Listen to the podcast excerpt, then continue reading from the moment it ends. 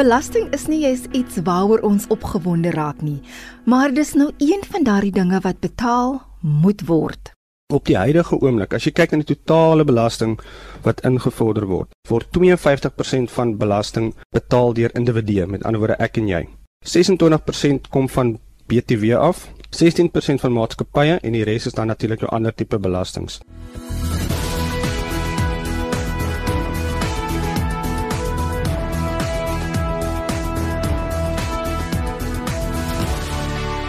Ek is Olivia Sambo en dis Rand en Sent RSG 100 tot 104 FM.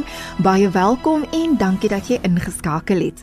Die grootste gedeelte van die belasting wat die Suid-Afrikaanse Inkomste Diens insamel, kom van my en jou, die individu af. Maar hoekom moet ons belasting betaal? Linet Willemse, senior bestuurder in belastingkonsultasie by Mazars in Kaapstad, beantwoord die vraag. Ja, korrek. Ek meen hierdie keiser wat hom toe kom, um, ek meen ons as 'n land en as 'n wêreld moet funksioneer, jy weet deur ons gesondheidsinstellings, ons publieke vervoer, ons verdediging, ons opvoeding. So daai geld moet van iewers afkom en dit is primêr belasting. So dit is die rede hoekom ons belasting betaal om al daardie aspekte te befonds wat ons benodig vir vooruitgang in Suid-Afrika. Die persentasie belasting wat betaal moet word, word jaarliks tydens die begrotingsrede aangekondig. Die begrotingsrede is baie belangrik want dit raak elkeen van ons, my en jou. Dit raak ons sak. Tydens daai begrotingsrede weet ons dan presies wat gaan ons belastings wees vir die volgende belastingjaar en natuurlik vir individue begin dit 1 Maart van elke jaar en dit eindig einde Februarie vir die volgende jaar. Tydens daai rede word daar dan ook planne bymekaar gesit rondom besteding Daar word planne bymekaar gesit oor hoe kan ons tekorte befonds en dan ook op die einde van die dag wat is jou al jou verskillende vorme van belasting? op die huidige oomblik, as jy kyk na die totale belasting wat ingevorder word, word 52% van belasting betaal deur individue, met ander woorde ek en jy. 26% kom van BTW af, 16% van maatskappye en die res is dan natuurlik jou ander tipe belastings.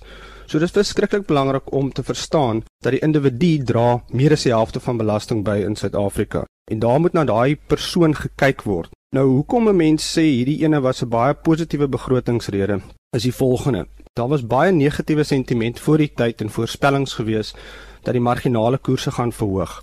Byvoorbeeld, die maksimum marginale koers is nou 45%. Daar was voorspellings soos dit opgaan na 46%. Daar's ook voorspel dat die BTW koers dalk kan verhoog na 16%, kapitaalwinsbelasting kan verhoog. En dan was daar ook gerugte gewees dat daar weer 'n eenmalige belasting op alle individue gehef gaan word. Nou ek dink die meeste van ons sal dalk dit nie kan onthou nie, maar in 1994-95 was daar so 'n eenmalige belasting, dink ek van omtrent 3% gehef op individue om die destydse demokratiese verkiesings te befonds. Nou al daai goed was voorspel en geantisipeer, maar nie een van hierdie tipe verhogings of addisionele belastings het gerealiseer nie. Wat natuurlik 'n baie positiewe ding is vir ons as verbruikers. Daarby is daar ook goeie aanpassings gemaak aan die sogenaamde belastingintervalle wat beteken dat vir die verbruiker gaan daar miskien 'n bietjie meer geld in sy of haar sak wees aan die einde van die dag.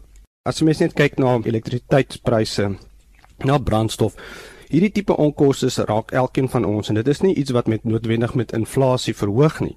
Ons almal weet wanneer Eskom hulle pryse opstoot, dit is nie inflasionêr nie, dit is met meer as inflasie. Wanneer jy dan kyk na ander aspekte van jou besteding waarvan belasting een van hulle is en spesifiek op 'n maandelikse basis vir die van ons wat salarisse verdien, moet daar een of ander toegewing gemaak word. En ek voel hierdie jaar om die begrotingsrede was dit baie verbruikersgefokusde begroting geweest wat positief is. As jy praat van belastingintervalle, wat presies is dit? So in belastingterme verwys hulle in Engels daarna as as die creep, die bracket creep. Nou kom ek verduidelik gou baie simplisties hoe dit werk. Individue word belas op hulle vlak van belasbare inkomste en daai belasbare inkomste word belas volgens intervalle. Kom ons sê byvoorbeeld as jou belasbare inkomste tussen 'n miljoen rand en 1.5 miljoen rand is, dan word jy teen 41% belas. Bo 1.5 miljoen rand word jy teen 45% belas. Nou wat gebeur as jou salaris argumentshalwe met inflasie styg?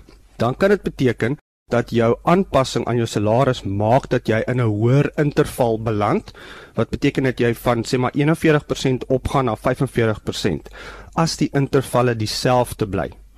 Nou wat in hierdie jaar se begroting gebeur het en wat 'n baie positiewe stap is, is die intervalle is met meer as inflasie aangepas. So dit het basies opgegaan. Met ander woorde, die kans dat jy nog in dieselfde interval gaan val is baie waarskynlik. So jy gaan teen teen nog steeds dieselfde belastingkoers betaal al het jou salaris met inflasie toegeneem. Net om dit binne in perspektief te plaas, hierdie opwaartse aanpassing van die intervalle lei tot 'n 2 miljard rand besparing in belasting vir individue. Lenet Willemse van Mazars in Kaapstad. Dis rand en sent RSG 100 tot 104 FM. Luister saam op die DStv kanaal 813 of skakel in aanlyn by www.rsg.co.za. Stuur ook 'n WhatsApp teks of stemboodskap na 076 536 6961 of stuur 'n e-pos na randencent.rsg@gmail.com. Die uitgawes en die gepaardgaande skuld van die regering is ook aangespreek tydens die begrotingsrede. As 'n mens kyk na die begrotingsrede weer in sy totaliteit, die groot aspek wat bespreek is is die kommentaar wat die regering ge, gemaak het rondom hoe kan ons ons regeringsbesteding verminder? En een van die aspekte wat hulle genoem het is die vermindering van die publieke sektor loon en salarisse. Nou eh, in die afgelope 10 jaar het die publieke sektor loon en salarisse met meer as 300% gestyg wat 'n baie baie rare verskynsel is en dit plaas druk op die staat se uh, vermoë om ander onkoste te dek. Nou hoe meer jou staatsbesteding toeneem, hoe groter is jou begrotingstekort en daai begrotingstekort word dan befonds deur skuld. En ek weet nie van jou nie, maar ek hou nie van skuld nie. En ek dink nie ons luisteraars hou ook van skuld nie, want met skuld gaan gepaard jou rentekoerse en dit is ook weer 'n addisionele onkoste wat gedek moet word deur iemand. So hierdie begrotingsrede in 'n neutedop was baie verbruikersvriendelik en die regering het die regte boodskappe uitgestuur rondom regeringsspandering want kom ons wees eerlik ons staatsbeheerde entiteite SAL Eskom is besig om Suid-Afrika dood te bloei en deur hierdie jaar belastingsout op te stoot sodat die verkeerde boodskap uitgestuur het want dan word die verbruiker net nog meer gestraf. So ten minste is dit die regte geleide wat gemaak gaan word. Die groot uitdaging vir president Ramaphosa en vir minister Mboweni gaan wees om hierdie staatsbesteding binne perke te hou. 'n Eenvoudige voorbeeld, minister Mboweni het genoem dat regeringsamptenare moet uh, ekonomiese klas vlieg in plaas van besigheidsklas. Bespaar daar. Hoekom het jy 'n uh, miljoen rand se BMW nodig as jy uh, 300 000 rand se voertuig kan bestuur? Sulke klein goedjies en op die einde van die dag alles kom saam. So vanuit daai oogpunt uit maak hulle die regte geleide. Nou gaan dit net 'n geval wees kan jy werklik daad by die woord voeg. Maar vakbonde is bitter ongelukkig oor die planne om salarisse en lone vir staatswerkers te snoei. Daar was sekere stellings in die media gewees dat dit dit herinner mense aan die tyd van Margaret Thatcher in Brittanje waar sy baie met die unies beklei het daarso omdat sy het net vasgestaan. Ja, dit gaan 'n interessante op 'n eendag politieke situasie afgee rondom jou vakbonde teenoor die regering.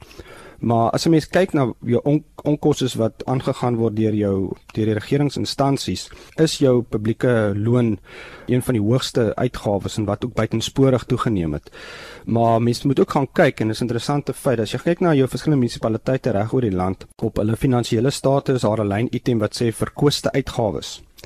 En ek dink jy sal geskok wees om te sien wat daai bedrag is. Nou verkoeste uitgawes is uitgawes wat munisipaliteite aangaan waar hulle nie vir jou kan sê waarvoor hulle dit aangegaan het nie. So dis skokkend.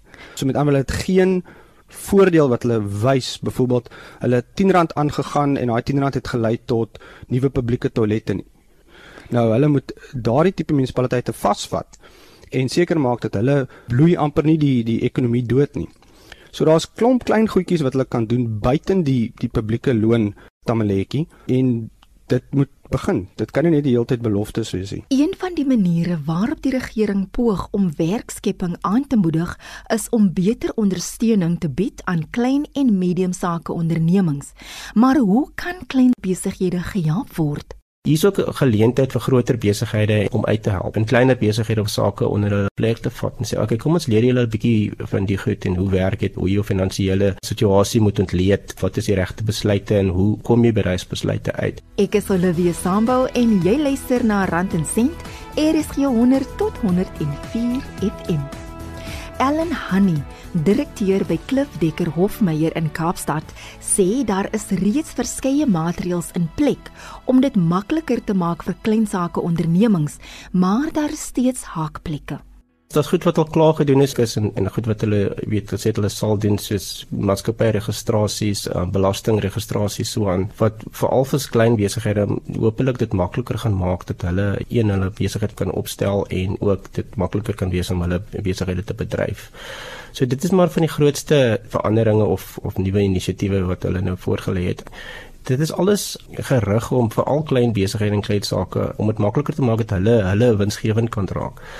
Want dit is nogal belangrik vir ons ekonomie want ons is nogal baie groot spelers in die ekonomie en ons sukkel om om ons klein besigheid industrie van die grond af te kry want dit is ook 'n werkskapingsgeleentheid wat ons graag wil aanwend in hierdie land as jy nou kyk hoeveel mense is uit nou nie werk in hierdie land. Ehm um, die regering self het ook dis nou nie noodwendig net nie maar hulle het ook gesê hulle wil ook seker maak dat kleiner besighede wat wat nou werk met die regering doen jou gouer betaal kan word want dit is een van die issues wat ook opgekom het in die afgelope paar jaar dat hulle sukkel nogal. Dit is moeilik om om jou klein besigheid te bedryf en jy moet nou 60, 90, 120 dae wag vir jou rekening om te betaal te word. So daar's verskeie goed wat hulle graag wil doen.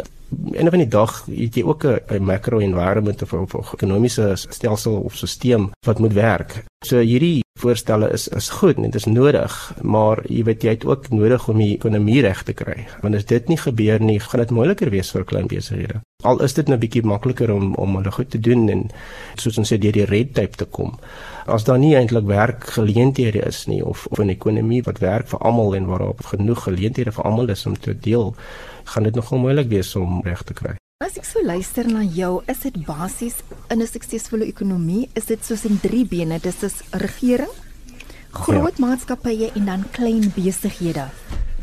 En ja. al drie saam dan dan moet 'n verhouding, 'n goeie verhouding tussen hulle wees om dan die ekonomie te laat groei. Die een kan nie onafhanklik staan van die ander een nie. Ja, korrek. Ek dink baie mense sien dit nie noodwendig so nie, uh, maar dit is definitief so, want dit is alles een ekonomie. Ons is nie 'n aparte ekonomie is nie. As jy kyk na goed soos veral op die swart bemagtiging front wat waar daar gebeur is daar's 'n groot mate van probeer om om baie kleiner besighede veral die wat wat bemagtig is te bevorder en, en te help om om hulle besighede van die grond af te kom. En dit is ook 'n goeie ding.